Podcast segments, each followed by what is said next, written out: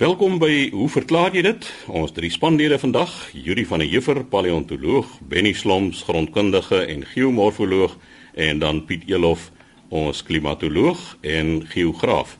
Yuri, jy was nou die vorige keer laaste, nou wil jy graag eerste wees. die Bybel sê mos, die wat laaste was sal eerste wees. En jy het 'n vraag ontvang oor kamele se rooi bloedselle. Chris, ja. Johannes van Rooyen het 'n vraag ingestuur. Hy sê: "Is dit waar dat kamele en dit sluit nou lamas en alpakas in die enigste soogdiere is wat selkerne in hulle rooi bloedselle het? Indien dit waar is, waarom sou dit so wees en het dit enige oorlewingsvoordele?" Dit is natuurlik so, oor die algemeen het soogdiere nie kerne in hulle rooi bloedliggaampies nie en dit verskaf natuurlik nou 'n lekker aspek op hierdie moordprogramme op televisie. Dikwels sien mense hierdie reekse van klein dorpse gemeenskappies waar die baie slim speurder elke week die moordenaars vang en die lyke lykshuis toe stuur. En dit laat mense dikwels wonder hoe groot is die bevolking van die omgewing? Want uh soveel moorde op een plek week na week moet mos die wenkbroue laat lig. Van die ouer luisteraars sal seker nog onthou dat daar so 'n program was van 'n dame wat in 'n plekjie met die naam van Cabot Cove gebly het en sy het elke week hierdie moorde opgelos. Nou ja, een van die goed is dat as dit in 'n landelike omgewing is en uh, die speurders kom in die kombuis in, die eienaar is weg, daar's 'n bebloede mes op die tafel en as die speurders dan die bloed wat op die toneel gevind word laat toets en die bloedselle het nie kerne in nie, dan is dit nou 'n soogdier, dit kan mens wees, maar as dit wel kerne het, dan kan dit 'n voël of 'n reptiel wees. So die persoon het waarskynlik dan nou gaan jag en een of ander voël geskiet om te eet. Die storie word gewoonlik vertel dat tussen die soogdiere is dit net kamele. Nou dit sluit nou in die kamele, die vicuña, die lama en alpaka. En 'n mens kry twee soorte kamele die bakteriese kameel is daai groot harige ou met die twee boggels en die dromedaris is die een wat ons nou assosieer met die Sahara woestyn met die een boggel en dan die boggels is natuurlik nou nie daar om water te hou nie dit is vetboggels wat die kameel op kan teer dan word dit gewoonlik gesê dat kamele is die enigste soogdiere wat rooi bloedliggaampies het waar kerne in voorkom. Nou ek het bietjie in die literatuur gaan rondkrap En dit blyk 'n mite te wees. Kamele het nie kerne in hulle rooi bloedliggaampies nie. Nou die hele storie van die van die rooi bloedliggaampies is baie interessant. Dit staan bekend as eritrosiete, eritro wat nou die rooi beteken. En binne in die rooi bloedliggaampies het 'n mens nou die uh, stof met die naam van hemoglobien wat die rooi kleur aan die bloed gee. En hemoglobien is 'n biomolekuule waarvan die funksie is om suurstof te bind en baie goed te bind. En met die bloedstelsel dra die rooi bloedliggaampies, die eritrosiete met hierdie suurstof binne-in dit nou na die eindpunte van die liggaam toe. Nou as 'n mens daaraan dink dat 'n eiersel by bevrugting so meer as 'n tiende van 'n millimeter in deursnee, so 140 mikron, maar die kleinste bloedvaatjies, die kapillaires waar hierdie bloedselle moet inbeweeg, het maar 'n gemiddelde deursnit van so 3 mikron. Dan beteken dit dat gedurende die ontwikkelingsproses, die embriogenese proses, die selle wat die diertjie uiteindelik gaan bou, kleiner en kleiner en kleiner gemaak moet word totdat jy nou by rooi bloedselle kom, by eritrosiete wat maar so 8 mikron in deursnee is. Nou hulle moet in die fynste bloedvaatjies ingaan wat maar 3 mikron in deursnee is. So rooi bloedliggaampies is so gebou dat hulle kan saamgedruk word en hulle is elasties en om daardie rede bevat hulle nie 'n kern en ook nie die ander organe wat normaalweg in 'n sel voorkom nie. So rooi bloedliggaampies by soogdiere word ontwikkel met 'n kern met al die toebehore van die sel en dan word dit verwyder. So daar's nie 'n kern in nie die energiefabriekie wat 'n mens in elke sel kry, die mitokondrion, die word uitgehaal of geresorbeer. Die ander goed soos die endoplasmatiese retikulum en die Golgi apparaat, dit word alles verwyder. Die rede is hoe minder daar van die organellae in die sel is, hoe meer suurstof kan die hemoglobien wat wel daarin is dra.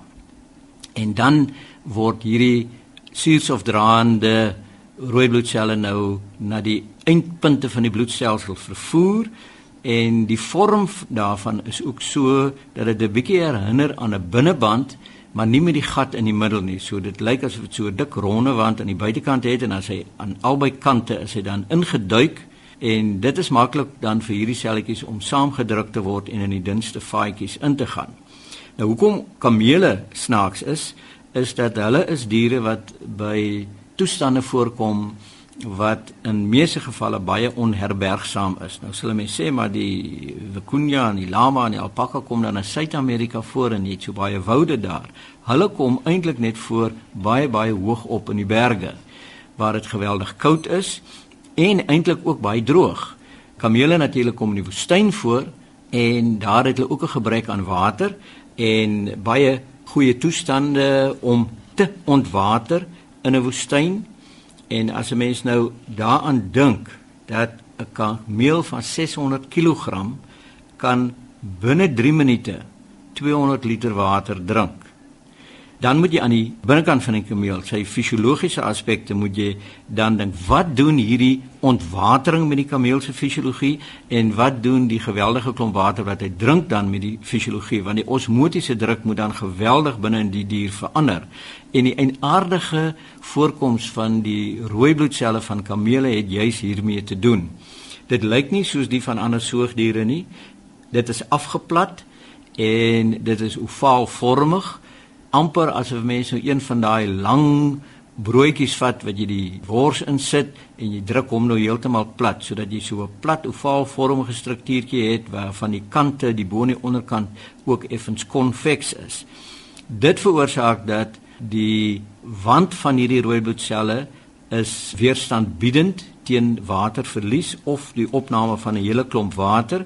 So die kameel se rooi bloedliggaampie is eintlik ontwerp om hierdie groot fluktuasie van water binne in die kameel te weerstaan. Die vorm is so gemaak dat dit ten spyte van ontwatering en al hierdie toestande nog deur die eh, bloedvate kan beweeg om suurstof te lewer aan die eindpunte van die kameel se bloedstelsel. So baie dankie vir ehm um, hierdie vraag Johannes en ek is bly ons kon nou die storie opklaar dat eh uh, kamele soos ander soogdiere ook nie kerne het in hulle rooi bloedliggaampies nie, maar dat hulle baie spesiale aanpassings het om te oorleef in onherbergsame toestande. So gesels Yuri van der Heever en Benny Sloms, ons grondkundige en geomorfoloog, jy het 'n vraag ontvang die kwaliteit van die water wat stappers in Suid-Afrika te wagte kan wees. Dankie Chris. Ek het 'n brief gehad van Herman Brandt. Hy sê ons stap graag en geniet die rustigheid van die natuur. Dikwels duur so 'n staptog 2 tot 4 dae en alle proviand moet saamgedra word. Nou die af van die saak is water 'n groot deel van hierdie proviand en maak ook die grootste gedeelte van die gewig uit wat hulle moet saamdra. Hy vra watter riglyne kan jy gee oor die geskiktheid van oppervlakwaters in verskillende dele van Suid-Afrika? Nou Herman, dis 'n baie aktuelle saak wat jy hier aanroer. Veral in die lig van die verswakkende waterkwaliteit van ons oppervlakwaters en hier praat ek veral van ons rivierwaters. Ek vermoed ons het al in 'n vorige program gepraat oor oppervlakwaterkwaliteit, maar kortliks 'n paar algemene riglyne. Indien jy in ariede gebiede gaan stap, daar is natuurlik bitter min of geen oppervlakwater. Daar's nie 'n rivier nie behalwe die laer loope van die Oranje wat daar deur die Rigtersveld gaan. Daar's het jy 'n standhoudende rivier. Nou in die ariede gebiede maak mense staat van ondergrondse water, boorgatwater wat met windpompe na bo gebring word vir drinkwater. Nou in ariede gebiede is hierdie waters dikwels brak. Met ander woorde, die water het 'n hoë soutlading. En een van die soutte wat 'n mens nogal bietjie probleme kan gee is oormatige magnesiumsoute. Nou dit lei tot diarree in die ergste geval Eh, veral as 'n mens nie hierdie hoë magnesiumwaters gewoond is nie en al wat ek kan sê sorg dat jy die nodige medikasie saamdra. En indien jy weet jy gaan slegs van hierdie boorgatwater afhanklik wees en jy's gevoelig daarvoor, tref voorsorg dat jy genoeg water saamvat. Maar in die res van Suid-Afrika waar die reënval hoër is en ons het oppervlakwaters in die vorm van riviere, dan geld die volgende riglyne. Indien jy in die boorlope van ons riviere gaan loop, dit beteken gewoonlik in die bergagtige dele van Suid-Afrika en aan die bokant van sulke sytakriviere is daar geen menslike aktiwiteite nie, dan is die water oor die algemeen baie veilig. So water wat voorkom in ons berge kan jy met 'n geruste hart drink. Jy sal niks eintlik oorkom nie. Water van riviere in die middel en benede lope is natuurlik totaal 'n ander storie. Ons sit met die situasie in Suid-Afrika dat ons mynboubedryf en die grootste gedeelte van ons industrie is geleë in Gauteng op die grens van 'n paar opvanggebiede van riviere. So dis in die boorlope van soos byvoorbeeld die Vaalrivier, die Olifantsrivier, so kan 'n mens aangaan. So indien jy besoedeling kry daar in die boorlope van die rivier, dan is die res van die rivier stroom af natuurlik ook besoedel. Nou hier, Herman, moet jy maar bietjie versigtig wees. Ek sal nie sommer water drink in die middellope en benedelope van riviere waar ek weet waar daar grootskaalse menslike aktiwiteit in die boorlope is nie. Dit is goed soos mynbouaktiwiteite en natuurlik nedersettings. Nou wat is die probleem hier? Party mense sal sê man kook die water en die probleem is opgelos. Dit is nie so eenvoudig nie. Deur water te kook sal jy die bakteriologiese probleem kan oplos in water. Maar ongelukkig is daar ander besoedelingsstowwe in ons oppervlakwaters En ek het so 'n lysie hier gemaak. Eerstens seker suurmynwater wat vir jou lae pH water gee. Op sigself is dit nie 'n groot probleem nie. Lae pH waters nie. Maar hierdie suurwater het heel wat opgeloste swaar metale wat afkomstig is van ons mynboubedryf, veral die ou goudmyne. Hier praat ons van goed soos uraan, sianiet, arseen, die lysie is lank. En uh dit is nou nie juis stowwe wat jy in jou lyf wil inkry nie. Die soutlading van ons groot riviere, veral daar in Mpumalanga en Gauteng, is ook baie hoog. So hy het ook braksoute wat hoofsaaklik van die industrie afkomstig is. Dan is daar die bakteriologiese besoedeling waarvan ek reeds gepraat het. Dit sluit in goed soos riool en ander afvalstowwe. Gaan nie veel hieroor sê nie. En 'n mens wil nie weet wat dryf als in ons oppervlakwaters rond nie.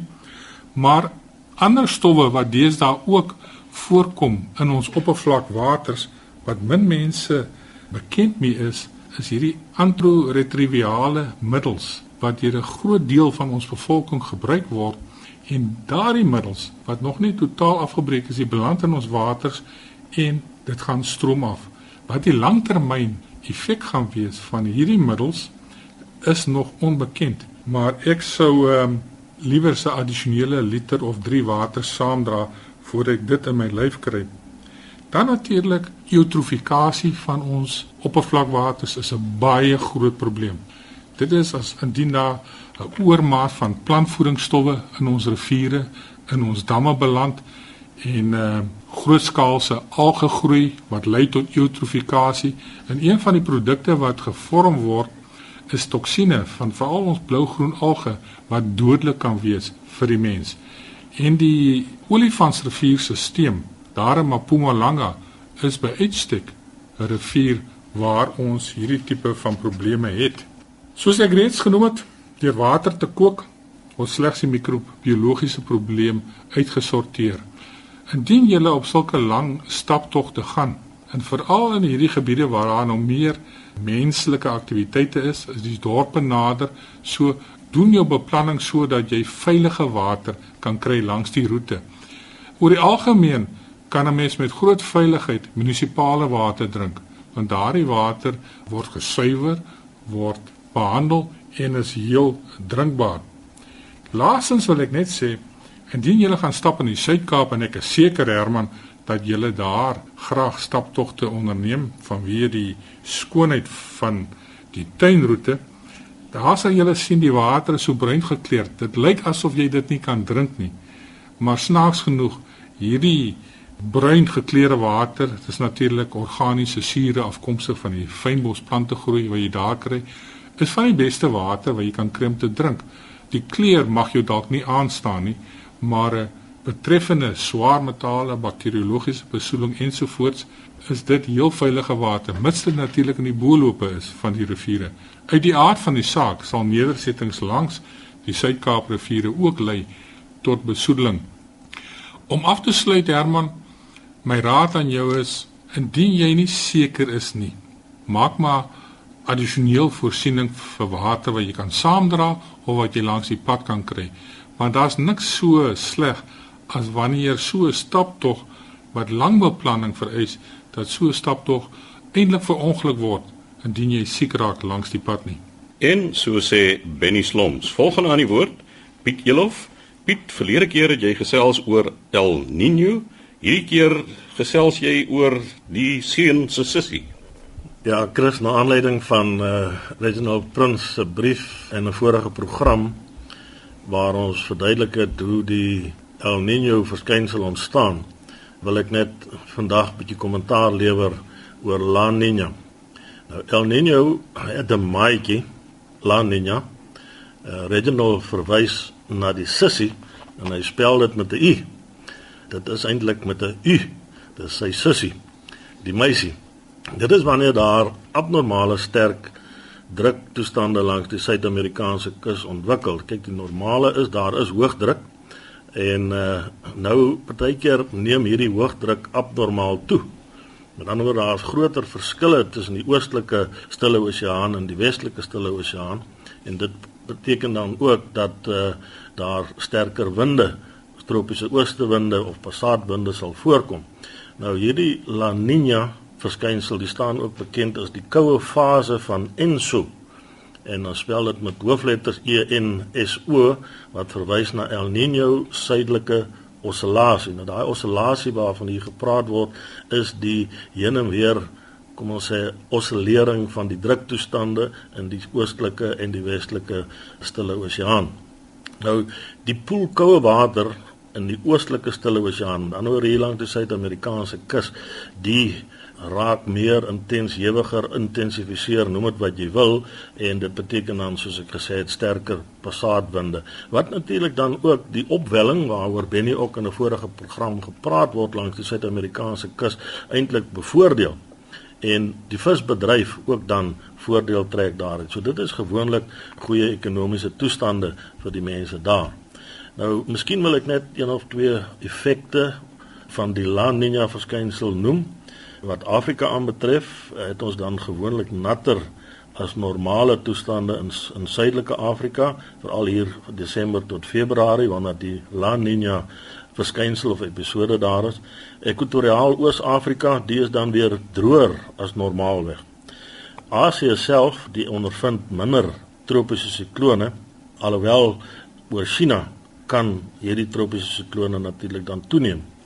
Wat Suid-Amerika aanbetref, hierdie sterker hoëdruktoestande wat daar voorkom, sal beteken dat uh, droogte veral in Peru en Chili kan voorkom as gevolg van hierdie sterker druktoestande wat daar voorkom.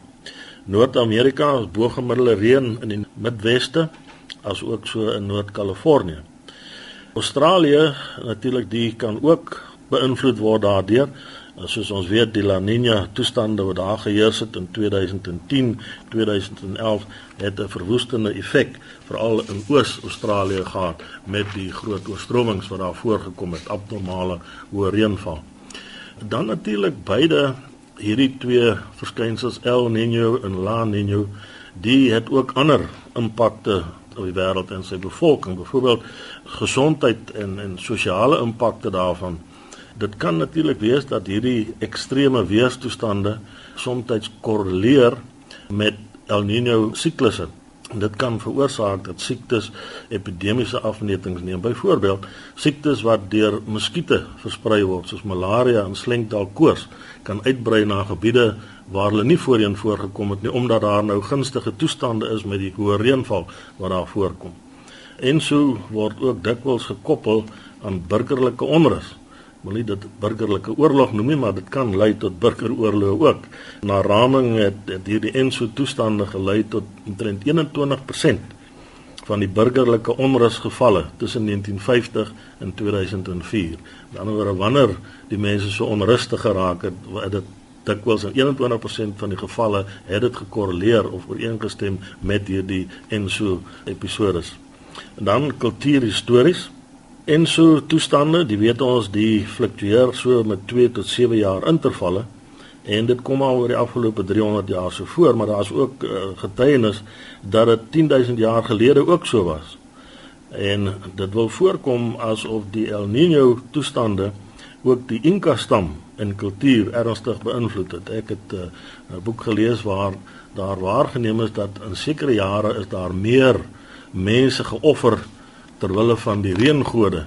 En as die historiese dit nagaan dan sien hulle dit maar dit het waarskynlik saamgeval met sulke El Niño toestande waar daar droogte was. En om die gode te plesier en meer om die moontlikheid van reën te verhoog is meer mense geoffer deur die Inca stam.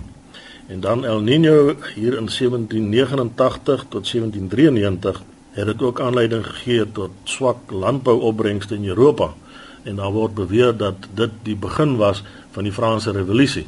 So word dit gekoppel aan hierdie toestande wat daar geheers het en die onrus wat by die mense ontwikkel het as gevolg van die hongersnood.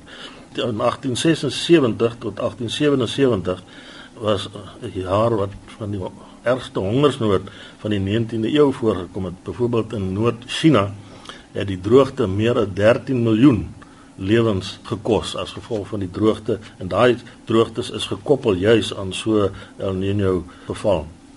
En El Niño het in 1998 plus minus 16% van die wêreld se koraalriwe beskadig aangesien die temperatuur, die oseaantemperatuur met 1,5 grade Celsius gestyg het in in omgewings waar hierdie koraalriwe voorkom in in teenstelling met die die gemiddelde 0,5 grade of selfs minder 0,25 grade Celsius wat die oseaantemperature toeneem. Ja dit in daai spesifieke jaar is dit gemeet ongeveer 1,5 grade Celsius wat dan aanleiding gegee het dat baie van die koraalriwe beskadig is of gebleik is die kleure daarvan.